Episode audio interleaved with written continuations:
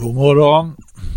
Vår genomgång av profeterna och hur profeterna kommer till uttryck i Nya Testamentet har nu nått fram till profeten Obadja. Obadja är det kortaste budskapet i Gamla Testamentet. Det är bara ett kapitel men det, vad, vad det har att lära oss, det ska vi titta på lite här. Jag läser från profeten Obadjas bok. Det står så här. Detta är Obadjas syn. Så säger Herren, Herren om Edom. Ett budskap har vi hört från Herren och en budbärare är utsänd bland folken. Upp Ja, låt oss stå upp och strida mot det. Se, jag ska göra dig ringa bland folken, djupt föraktad ska du bli. Ditt hjärtas övermod har bedragit dig där du sitter ibland bergsklyftorna i din höga boning och säger i ditt hjärta Vem kan störta mig ned till jorden? Om du än byggde ditt näste så högt uppe som örnen, ja, om det än blev förlagt mitt ibland stjärnorna, så skulle jag dock störta dig ner därifrån, säger Herren. När tjuvar kommer över dig och rövare om natten, ja, då är det förbi med dig. Sannerligen, det ska stjäla så mycket de lyster. När vinbergare kommer över dig, sannerligen en ringa efterskörd ska det lämna kvar. Hur genomsökt ska icke Esau bli? Hur ska ej hans dolda skatter letas fram? Ut till gränsen ska det driva dig, alla dina bundsförvanter, dina vänner ska svika dig och ska ta väldet över dig. Istället för att ge dig bröd ska det lägga en snara på din väg där du icke kan märka den. Sannerligen på den dagen, säger Herren, ska jag förgöra det vise i Edom och allt förstånd på Esaus berg. Dina hjältar, o Teman, ska då bli slagna av förfäran och så ska var man på Esaus berg bli utrotad och dräpt. Ja, för det våld du övade mot din broder Jakob ska du höljas med skam och bli utrotad till evig tid. På den dag då du lämnar honom i sticket, på den dag då främlingar förde bort hans gods och utlänningar drog in genom hans port och kastade lott om Jerusalem, då var ju också du såsom en av dem. Men se icke så med lust på din broders dag, på hans motgångsdag. Gläd dig icke så över judabarn på deras undergångsdag. Spärra icke upp munnen så stort på nödens dag. Drag icke in genom mitt folks port på deras ofärdsdag. Se ej så hans olycka med lust också du på hans ofärdsdag och räck icke ut din hand efter hans gods på hans ofärdsdag. Ställ dig icke vid vägskälet för att nedgöra hans flyktingar och ge icke hans undsluppna till pris på nödens dag. För Herrens dag är nära för alla hedna folk. Så som du har gjort, så ska man också göra mot dig. Dina gärningar ska komma tillbaka över ditt eget huvud. Ja, så som ni har druckit på mitt heliga berg, så ska också alla hedna folk få dricka beständigt. De ska få dricka kalken i botten och bli så som hade det ej varit till. Men på Sions berg ska finnas en räddad skara och det ska vara en helig plats och Jakobs hus ska åter få råda över sina besittningar. Då ska Jakobs hus bli en eld och Josefs hus en låga. och Esaus hus ska bli så som strå och det ska antända det och förtära det. Och ingen ska slippa undan av Esaus hus, för så har Herren talat. Och sydlandets folk ska ta Esaus berg i besittning och låglandets folk ska ta Filistenas land, ja också Efraims mark ska man ta i besittning. Så och Samariens mark och Benjamin ska ta Gilead. Och det bortförda av denna Israels barns här, det som bo i kanan allt intill Sarefat, så det bortförda ifrån Jerusalem, det som lever i Sefara, dessa ska ta sydlandets städer i besittning. Och frälsare ska dra upp på Sions berg till att döma Esaus berg. Och så ska riket vara Herrens. Det här var profetens, profeten Obadjas korta budskap, 21 verser. Det är hela hans bok, det är hela hans skrift, men den innehåller ju verkligen stora teman som vi också ser komma igen i Nya Testamentet. Om kanske inte så väldigt tydligt på ett sätt, så nog så tydligt på ett annat. Vad är temat i Obadjas bok? Det är ju faktiskt förräderiet. Edom riktar sig budskapet till. Och Edom var Jakobs bror, hans tvillingbror. Och här tilltalas Edom inte som individ utan som ett helt folk. Ett folk som var på ett särskilt sätt agent för att förmedla, om vi säger som så, den babyloniska eh, maktens angrepp på Israel. Och det är alltså en kollektiv här. Eh, det är ett helt folk som uppträder som förrädare. Vi kan inte säga att ämnet förräderi inte finns representerat i Nya Testamentet, för det gör det verkligen. Men där handlar det om att det, det utförs på det individuella planet. Och det är svårt att hitta någon riktig Edomé i Nya Testamentet. Det finns ju faktiskt en, det är ju konung Herodes. Lär vara Edomé på visst sätt. Men det som det handlar om, förräderiet finns ju verkligen. Det möter vi ju i Judas Iskariot. Det är så att eh, Obadjas budskap praktiskt taget ordagrant återges också av Jeremia, men lite omkastat. I Jeremias boks 49 kapitel kan vi läsa i stort sett samma budskap mellan verserna 7 och 22.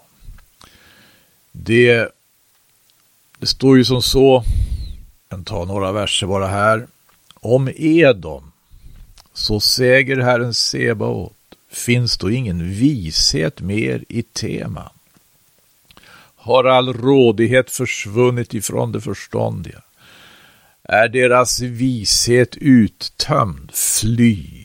Vänd om, göm er djupt nere i Dedans inbyggare. För över Esau ska jag låta ofärd komma på hans hemsökelses tid. När vinbergare kommer över dig ska det inte lämna kvar någon efterskörd. När tjuvar kommer om natten ska det fördärva så mycket de lyster. Här är ju precis samma budskap. Det handlar om hur Edom eller Esau ligger fullständigt oskyddad. På grund av att han har svikit sin broder Jakob så kommer han i ett visst skede i historien att ligga fullständigt oskyddad. När vinbergare kommer över dig ska de inte, ska de icke lämna kvar någon efterskörd. När tjuvar kommer om natten ska de fördärva så mycket de lyster. För jag ska blotta Esau, jag ska uppenbara hans gömslen och han ska inte lyckas hålla sig dold. Fördärv ska drabba hans barn, hans bröder och grannar och han ska icke mer vara till. Det kommer några tröstens ord här då. Och sen kommer det står i tolfte versen. Så säger Herren, se, det som inte hade förskylt att dricka kalken, det nödgas att dricka den. Skulle då du bli ostraffad? Nej, du ska icke bli ostraffad, utan ska nödgas att dricka den. Här så hjälper ju Jeremia oss att förstå Badjas budskap. För här får han med någonting som verkligen äger sin tillämpning på Herren Jesus Kristus. Här står det det som inte hade förskylt att dricka kalken, det nödgas att dricka den. I, I, Jesus möter vi ju verkligen den som, som faktiskt inte hade förskyllt, som inte var skyldig på något sätt att dricka kalken som han fick dricka. Han var inte skyldig till det. Det var inte på grund av att han hade försyndat sig, det var inte på grund av att han på något sätt var skyldig som han drack kalken. Det gjorde han för vår skull. Men det går inte att komma ifrån att Obadjas budskap, liksom Jeremias, eh, som, som helt och hållet instämmer i det, gäller faktiskt framförallt ett kollektiv, ett folk. Och det är de som tilltalas. Och det här kommer att få sin, så att säga, historiska betydelse långt fram i tiden, skulle jag kunna eh, våga mig på att säga. Därför att vi möter alltså i Nya Testamentet, dels, alltså, vi möter ju dels individerna, de enskilda judar som, som samlas omkring Herren Jesus Kristus som själv var jude. Han eh, blir däremot förrådd av en av sina lärjungar. Vi kan se i Lukas evangeliets 22 kapitel att det står så här då i början, det osyrade brödets högtid som också kallas påsk var nu nära och överste prästen och de skriftlärde sökte efter tillfälle att röja Herren Jesus ur vägen. Det fruktar nämligen för folket. Men Satan for in i Judas som kallades Iskariot och som var en av de tolv. Den gick bort och talade med överste prästen och befälhavarna för tempelvakten om hur han skulle överlämna Jesus åt dem. Då blev de glada och förklarade sig villiga att ge honom en summa penningar. Han skulle överlämna Jesus åt översteprästerna och befälhavarna för tempelvakt och det gjorde han. När Jesus kommit i deras våld så ville de att han skulle bli dödad men då, stod, då fick de föra honom till Pilatus. Det står i nästa kapitel i Lukas, i vers 28. Det förde Jesus från Kajafas till pretoriet. Och det var nu morgon, men själva gick de icke in i pretoriet för att de inte skulle bli orenade utan skulle kunna äta påskalammet. Då gick Pilatus ut till dem och sa, vad har ni för anklagelse att frambära mot denne man? Det svarade och sa till honom, vore han icke en illgärningsman?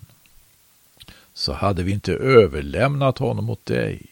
Då sa Pilatus till dem, ta ni honom och döm honom efter er lag. Judarna svarade honom, för oss är det inte lovligt att avliva någon. Där kom det, där kom det. Det var den dödsdom som hade uttalats redan av Stora rådet, som de inte hade några möjligheter att förverkliga. Det måste de få hjälp av romarna att göra. Och romarna var icke villiga till det. Pilatus var mycket ovillig. Men översteprästerna kan vi läsa, de uppeggade folket så att folket gorma och skrek korsfäst honom, korsfäst honom och då kunde inte Pilatus stå emot det trycket. Eh, vi kan läsa om hur det judiska folket som sådant kommer liksom att Eh, det kommer, det kommer alltså, den kristna församlingen, den första kristna församlingen uppstår ju i det judiska, i Israels sköte. Och det kommer alltså situationer då församlingens och Israels öde så att säga sammanfaller. Vi kan läsa i Apostlagärningarnas 18 kapitel. Det står så här att Paulus, aposteln Paulus, hade varit i Aten men lämnade Aten och kom till Korint. Där träffade han en jude vid namn Aquila, bördig från Pontus, vilken nyligen hade kommit från Italien med sin hustru Priscilla. Därför Claudius står det här. Kejsar Claudius hade nämligen påbjudit att alla judar skulle lämna Rom. Till dessa båda slöt han sig nu. Alla judar skulle lämna Rom. Det, det handlar om det judiska folkets historiska öde att stundtals på det sättet bli avvisade. Och här ser vi att det här samman, samma, så att säga, samverkar med att Paulus möter Priscilla och Aquila. Det är märkligt. Men eh, Obadjas budskap till eller mot Edom, som även Jeremia instämmer i. Ett folk förråder ett annat folk. Det kommer. Det är en mycket allvarlig fråga. Vi ser ju det. Det finns en regel här. Eh, Just i Obadjas budskap, det heter i femtonde versen i Obadjas budskap. Herrens dag är nära för alla hedna folk. Så som du har gjort, så ska man också göra mot dig. Dina gärningar ska komma tillbaka över ditt eget huvud. Alltså får Edom eller Esau illustrera någonting som inte bara gäller dem själva. Det här är en regel som kommer att gälla och det är därför som det är så allvarligt det här eh, med Israels folk, det judiska folket. Frälsningen kommer från judarna, sa Jesus när han samtalade med kvinnan vid Sykarsbrunnen. Och beroende på hur det judiska folket blir behandlat så kommer alltså folk att dömas, då det här. Hur pass, hur pass, hur, hur pass liksom eh, konsekvent kommer den regeln att tillämpas och vad kommer i sådana fall det att innebära för Sveriges folk? Det finns eh, till exempelvis en hemsida, Forum för levande historia, jag hittade en artikel där. Jag ska läsa lite ur den. Det står en omsvängning som kommer för sent. Det är en Ingrid Lomfors, historiker och överintendent vid Forum för levande historia som har skrivit. Bland annat så här. Eh, om vi tidigare än hösten 1941 något mer liberalt hade tagit emot judiska flyktingar så skulle många ha räddats till livet. Det är högst sannolikt att de nu är döda. Så resonerade den socialdemokratiska, här var alltså ett citat, så resonerade den socialdemokratiske politikern Erik Brandt under en debatt i Sveriges riksdag den 22 maj 1943. Även om informationen om förföljelse och massmord på Europas judar redan hade funnits i Sverige ett tag så var det först 1943 som den svenska flyktingpolitiken började svänga. Historiker, mig själv inräknad, brukar dela in Sveriges flyktingpolitik under 1930 och 40-talet i två faser. Den första ägde rum 1933 till 1943 och kännetecknades av, rest, av en restriktiv och hårdför politik i fråga om judiska flyktingar.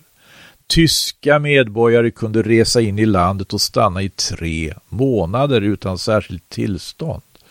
Men i takt med att även tyska judar sökte en tillflykt i Sverige kom en allt mer högljudd flyktingfientlig opinion att ställa krav på att lagen skulle skärpas.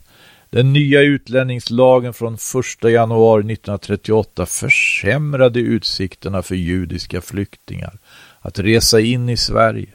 Den försämrade också möjligheterna för de judar från främst Tyskland och Österrike som redan uppehöll sig i Sverige som Erich Holeva, Hans Edward Schibilski och Kurt Moses vars minne hedras med snubb, snubbelstenar i Stockholm.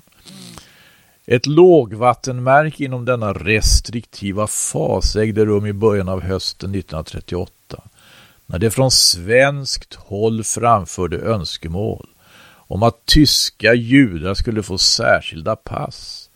Detta ledde till att den nazityska regeringen stämplade ett rött J i judars pass. I oktober samma år fick svenska gränspolisen befogenheter att avvisa personer med J-stämpel i passen. Efter den så kallade kristallnatten i november, har ni hört? Ja.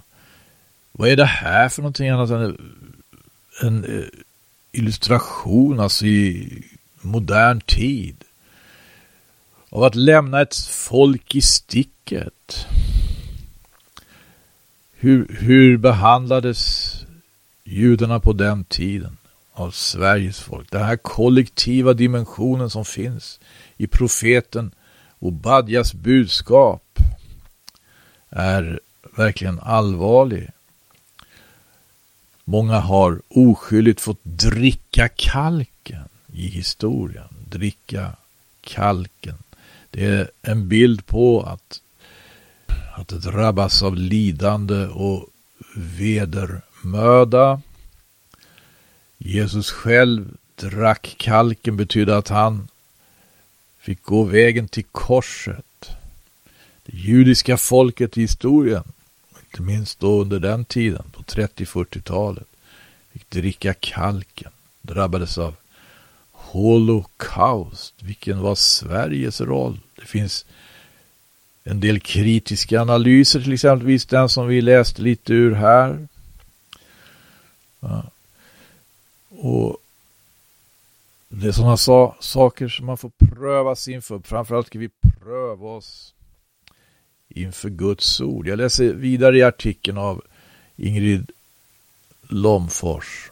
Efter den så kallade kristallnatten i november 1938 gjordes dock ett undantag för bland annat 500 judiska flyktingbarn från Tyskland och Österrike vilka beviljades transitvisum till Sverige.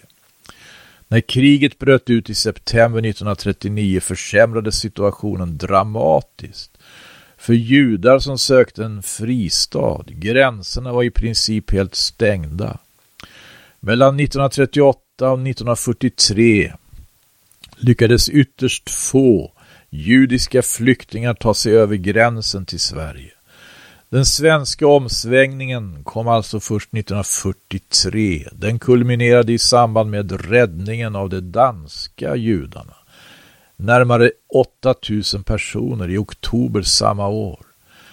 Det finns olika teorier om varför flyktingpolitiken blev mer generös vid just denna tid. En förklaring hänger sannolikt samman med att krigslyckan började vända för Hitlers armé. En annan sägs vara att klapp jakten på judar drabbade medborgare i grannländerna. Deportationen av norska judar i november 1942 väckte exempelvis stora protester i Sverige. Därutöver utövade de allierade med USA i spetsen påtryckningar på att Sveriges affärsförbindelser med Nazityskland skulle upphöra och att regeringen skulle vidta åtgärder för att hjälpa judar i Europa. På hösten 1944 sändes således svensken Raoul Wallenberg till Budapest. Diplomaten Per Anger var redan på plats. Båda gjorde stora insatser för att rädda ungerska judar samma höst gick den svenska regeringen med på ett i huvudsakligen norskt förslag om att via Röda Korset rädda skandinaver i tyska fångläger. På våren 1945 räddades på så sätt omkring 15 000 människor, flertalet norska och danska motståndsmän ur tyska fångläger. Bland dem fanns också ett tusental judiska fångar. Många var i sådant tillstånd att de inte lyckades leva längre än över sommaren. I Stockholm, Göteborg, Malmö, Kalmar, Karlstad och på Gotland finns gravstenar över dessa människor vars liv inte gick att rädda. Hjälpen kom, men för flertalet kom den för sent. Obadjas budskap är verkligen aktuellt och i vissa historiska situationer så blir det mer aktuellt. Herrens dag läser vi, är nära för alla hedna folk. Då som du har gjort, så ska man också göra mot dig. Dina gärningar ska komma tillbaka över ditt eget huvud. Om detta eh, aktualiseras i Nya Testamentet så är det ju i Jesu liknelse om fåren och getterna i Matteus evangeliets 25 kapitel. I Matteus evangeliets 25 kapitel. Eh, ni kan läsa själva. Där har vi ju den här regeln. Vad helst ni har gjort mot en av dessa mina minsta bröder, det har ni också gjort mot mig. Vers 16. Ja, så som ni har druckit på mitt heliga berg. Så som ni har druckit på mitt heliga berg så ska också alla hedna folk få dricka beständigt. De ska få dricka kalken i botten och bli så som hade det ej varit till. Den här versen tycker jag är väldigt allvarlig när vi, när vi, när vi beaktar till exempelvis brödsbrytelsen. Brödsbrytelsen som Herren Jesus har instiftat för att vi ska till hans åminnelse. Det har blivit nattvard, man kallar det för nattvard. Det har blivit en kyrklig tradition. Många dricker kalken eller delar brödet. Och på vilket sätt man gör det. Väldigt allvarligt. Det finns nämligen eh, en profetisk skrift Uppenbarelseboken som talar om hur det här med att dricka kalken kan urarta. Och när man går ett, det stora Babylon till mötes på det sättet som en gång Esau gjorde för att lämna sin broder Jakob i sticket, då blir det att dricka kalken helt ödesdigert. Det här är naturligtvis en hel del att beakta. Vi får framförallt pröva oss inför budskapet om den oskyldige som trots allt drack kalken. Han hade inte behövt göra det, men han gjorde det. För att eh, göra sin faders vilja, för att eh, bära bort världens synd. Jesus Ja, han kom till sitt eget och hans egna tog icke emot honom. I världen var han och världen vill icke veta av. Men det är honom det gäller att söka. Det är han som är världens ljus. Gud välsigne var och en som gör det. Tack för mig för den här gången.